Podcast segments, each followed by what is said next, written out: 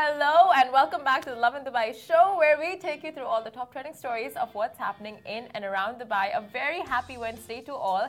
Our top trending stories today are the UAE's cloud seeding planes are in action to induce rain over this coming weekend. And also, first ever Michelin stars in Dubai have been rewarded. And a very popular dog shelter in Dubai is on the verge of closure amid rising overheads. And we've got six changes in the UAE labor law that you will want to hear about. But before we get started with our stories, I just want to tell you guys and uh, like make y'all privy of these murders that constantly take place in our office. And I feel like it's just at this point, I mean, I can't. The people need to know. Murders? What are you talking about? Murders. What are you talking about?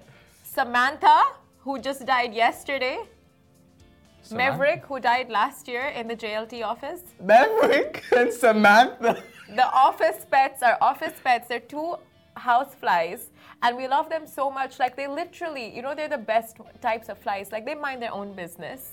They sit on the food. They don't sit on you. They just want to like live their best lives. And i feel like they shouldn't be killed you know? Like they just what they're here for a purpose. I didn't kill anyone. you killed maverick. Who's Maverick? In the, the old office? the office you killed maverick. If there's no proof, it didn't Ali- happen. It I didn't am the witness. And Samantha, Samantha was just buzzing around yesterday, and I we, she needs to be protected because Ali and mm-hmm. Shahir were just like on her tail. Okay.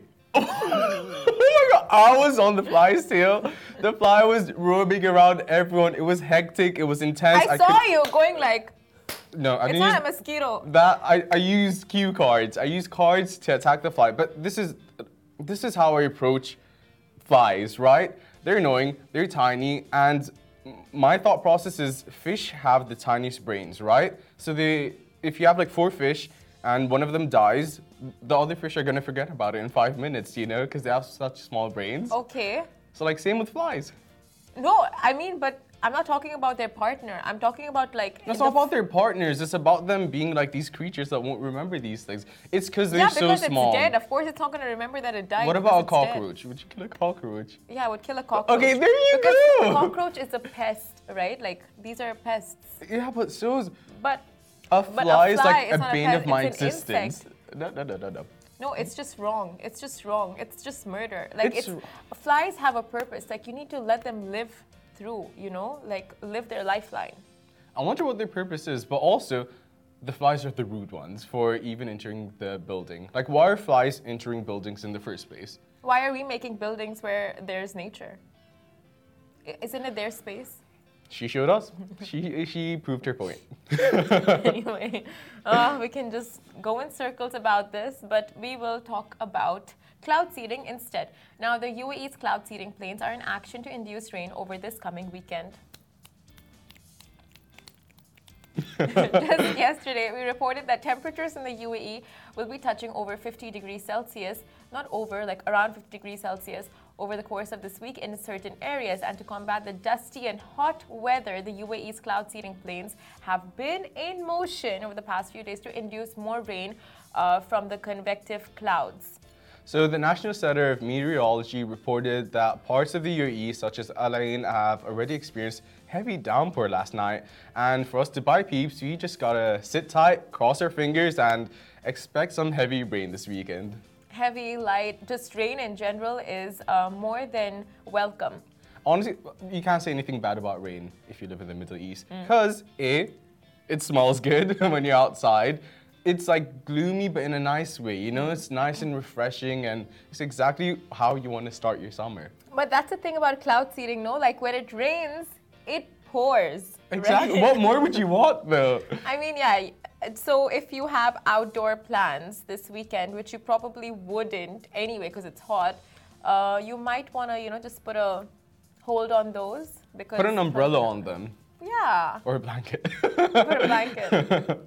you know, another word for umbrella is brollies, and I find it so cute. I've never heard of that before. Brawlies? Brawlies. It's a very British slang term for umbrellas. Never heard of it. Brollies. Mhm. Do you feel like you would use it now that you know? Gotta pick up my brolly from there. I don't. I'm not. I'm not an umbrella person. Like when I lived in England, never used an umbrella. Like I like being soaked in the rain, going into a building, go like, oh guys, look at me. Like I- the rain. I did not expect this, but that's my favorite part, and it smells the smell of rain. The smell, That, that's what does it for me. It's the smell, but like honestly, uh, okay, the smell, but then you know your shoes, because you have to walk in all the point, good point, muddiness, because it's point. sand mixed with rain, and then the roads are just a mess. Yeah, like the like in the Middle East in general, the infrastructure isn't necessarily built for rain And the so, flooding. Yeah, exactly. So that's not taken into consideration when we have our um, cities being built all around the MENA region. So that does Impact, that, yeah. that does result in sticky, muddy shoes. It does, and now that you have the weather report from us, I would say this weekend calls for hot cocoa, a nice book sitting by the window, and just like a good old me time. Blinds shut, like a, a little nice mood lamp, like yes, uh, create the vibe of the century. we're setting the mood for you this weekend. Giving winter vibes in summer. And also, speaking of this weekend, I heard of this one puppy yoga class, which we'll talk about later in the week. But it's cute. Like they have these really cute, innovative stuff coming up. Puppy yoga. Puppy yoga. I'll tell you more about that. Okay, we'll speak about it later. Moving on, so the first ever Michelin star in Dubai have been awarded. So this means that um, there's all of the, sorry for clarification uh, if you don't know the guide uh, awards stars of excellence to selected establishments and the announcement was made in dubai yesterday. There has been 69 winners in total of which the anonymous inspectors commented on how incredible the city's culinary landscape is. Now, some of the winners include um, El Restaurante with two stars, a star for 11 Woodfire Armani Ristorante, Hakkasan Dubai, which is my absolute favorite, uh, Hoseki Sushi, Ossiano, and many more. Other significant awards included a Talented Young Chef Award and a winner for a commitment to sustainability. And if you're wondering about the selection process, they're based on a universally applied set of criteria. So there's five of them, including quality of ingredients, the mastery of cooking, the harmony of the flavors, and the personality of the chef. And uh, this year's Michelin uh, whole uh, award ceremony was so exciting because it was the first ever in Dubai. And now 69 restaurants have been awarded this. 69, that's insane. But it is well deserved. Like if you, I never have a bad experience going anywhere for food in Dubai. Mm-hmm. And just having a Michelin star, you know when you're like, Stuck with choices, and you're like, I don't know what to do this weekend. The Michelin star assures that you're gonna have the best experience, and it's a very, very renowned, um, like honor and award. It Mm-hmm. is setting your place in the culinary world. For sure. I want to read out the full ri- list of restaurants that we um, have because they're pretty extensive. And if you guys are looking for a nice day out, And this variety, that's the best part. Like, there's like seafood experiences. The chefs also got the honors that they need, and it just you know backs them up. It gives them, was gonna say validation, but not validation. It gives them the, you know, the step up. Certification, Yeah, yeah. exactly. the recognition. The recognition. Yeah. Yeah, Simran, thanks. So the Michelin Guide restaurants, right? Three Fils, Akira Back. Akira Back's amazing. I love Do you know it. this one? Uh, Almendulum. I feel like that's an Arabic one. Alfanar, uh, Amazonica, Avatara, Avli by Tasha's, Blue Black, Bombay Bungalow, Carnival by Trèsind, C'est La Vie, Celebrities by Mauro Colagreco, uh, Cipriani, Nobu. Clap, Coya, Coya, we know that one. Perrier TT. Hell's Kitchen, Hashi, Sifu. Indego by Vinny. And the list goes on. There's 69 of them. Oh yeah, this- uh, by the but way, they're really not- good. Like we know some of them, like Little Miss India, Yeah. no, uh, Mimi Kakushi, uh, Nobu. It'll be so good. Yeah, you've been. Yeah. Trèsind, Zuma, of course. Uh, yeah, it's just, I mean, now you know where exactly to go if you're looking for a complete hit and no miss in any way. And by the way, like these restaurants really go the extra mile. Like remember yesterday we were talking about how um, all these, um, sorry, one of the Flair Five had all of these um, flowers interpreted into their meals. Mm-hmm. All of these restaurants go the extra mile in what they do and what they want to achieve. presentation, like the whole the lot. experience, yeah. it literally is the experience. I went to Akira back once for the shoot, and he was the chef over there was the nicest person ever. the attention to detail that he put in every single meal. He made six meals in eight hours, six Wow. extremely complicated meals. And just to see like the attention to detail and how much effort was put in, Mm-hmm. like it makes you have another sense of appreciation. Very true. And with the amount of work we know that goes on inside of the kitchen, it's just like these kinds of awards where they really, you know, recognize and give so much of credit to these restaurants. I mean, it, it just, it's a good uh, way to appreciate these restaurants and their hard work. Exactly. We'll move on to a next story, which is very, very sad. Now, a very popular dog uh, shelter in Dubai is on the verge of closure amid rising overheads. Now, the cost of living is on the rise on a global scale. Now, inflation mixed with the impact of COVID 19 has left the world in a terrible economic state. Businesses were forced to downsize, some are even forced to um, they were run into the ground as a result of the lack of funds and sales. Now, NGOs, shelters, and relocation homes suffered a big blow during the pandemic and continue to feel its brunt. And now, this heartbreaking reality has hit close to home, very, very close to home for us Dubai residents, with K9 Friends announcing their potential closure. It's really, really sad. So, K9 Friends Dubai, the shelter that's been rescuing abandoned dogs finding them loving homes for over 30 years, have shared a plea on their social media asking the community for financial assistance to stay afloat amid rising overheads. Now, calling on all animal lovers, the organization said if K9 Friends do not receive immediate help, they will be forced to close the doors within the next few months. And with no official financial help, we can no longer sustain the financial burden of DEWA, maintenance, insurance, staff cost, and vet bills that are, that are all associated with running a, a rehoming shelter. Our running costs are on the average of 80,000 dirhams per month. Now, of course, you can visit their website, which is k9friends.com, or call 0488787739 to help or to ask them for more information. But if you do have the means, they have 120 dogs that are looking for either foster homes or sponsorships or adoption. So do help out in any way that you can, even if it's as little as spreading the word or donating a certain amount. Like please do. I mean, these are helpless dogs. It's a shelter. They're doing good, and they need they need our help now. 100%. Like, this is at the end of the day um, a charitable cause and a foundation that they're just trying to help, you know? And what you said is very true. You speaking to someone else and telling your friends about it, word of mouth is the best way to spread the message. Yeah. Like, that's factual, you know? So, the more Yeah. people you tell, the more people they're gonna tell. And who isn't a dog lover, you know? So, the word will spread like wildfire. Um, but yeah, it is really sad. They've been doing so much. I've been in Dubai for the last year and a half, and the amount of times I've heard about K9 Friends and everything that they've been doing, it's been amazing. That's so true. But um, of course, as you spread the word of mouth, do action it as well. You know, it's not just about telling and raising awareness. It's like what you do with that awareness. And we have the means to help out. It's a local charity, uh, it's a local NGO, it's a local uh, rescue home. So what we can do is, you know, donate in their dirhams as much or as little as we can. Like every contribution helps. And of course, like if you're looking for a dog, adopt and not shop head down to K9 Friends and maybe foster one of the dogs, adopt, take one home, give it a loving home. So many things we can do to help out. And I um, would love to. you would love to. I would love Best to. not to right now. But you know, After the fly situation that happened earlier, I don't think Simran trusts me. Fly? Oh, okay. never mind, never mind. Yeah, She's yeah. going somewhere right now that I really don't want her to go. Yeah. So let's move on.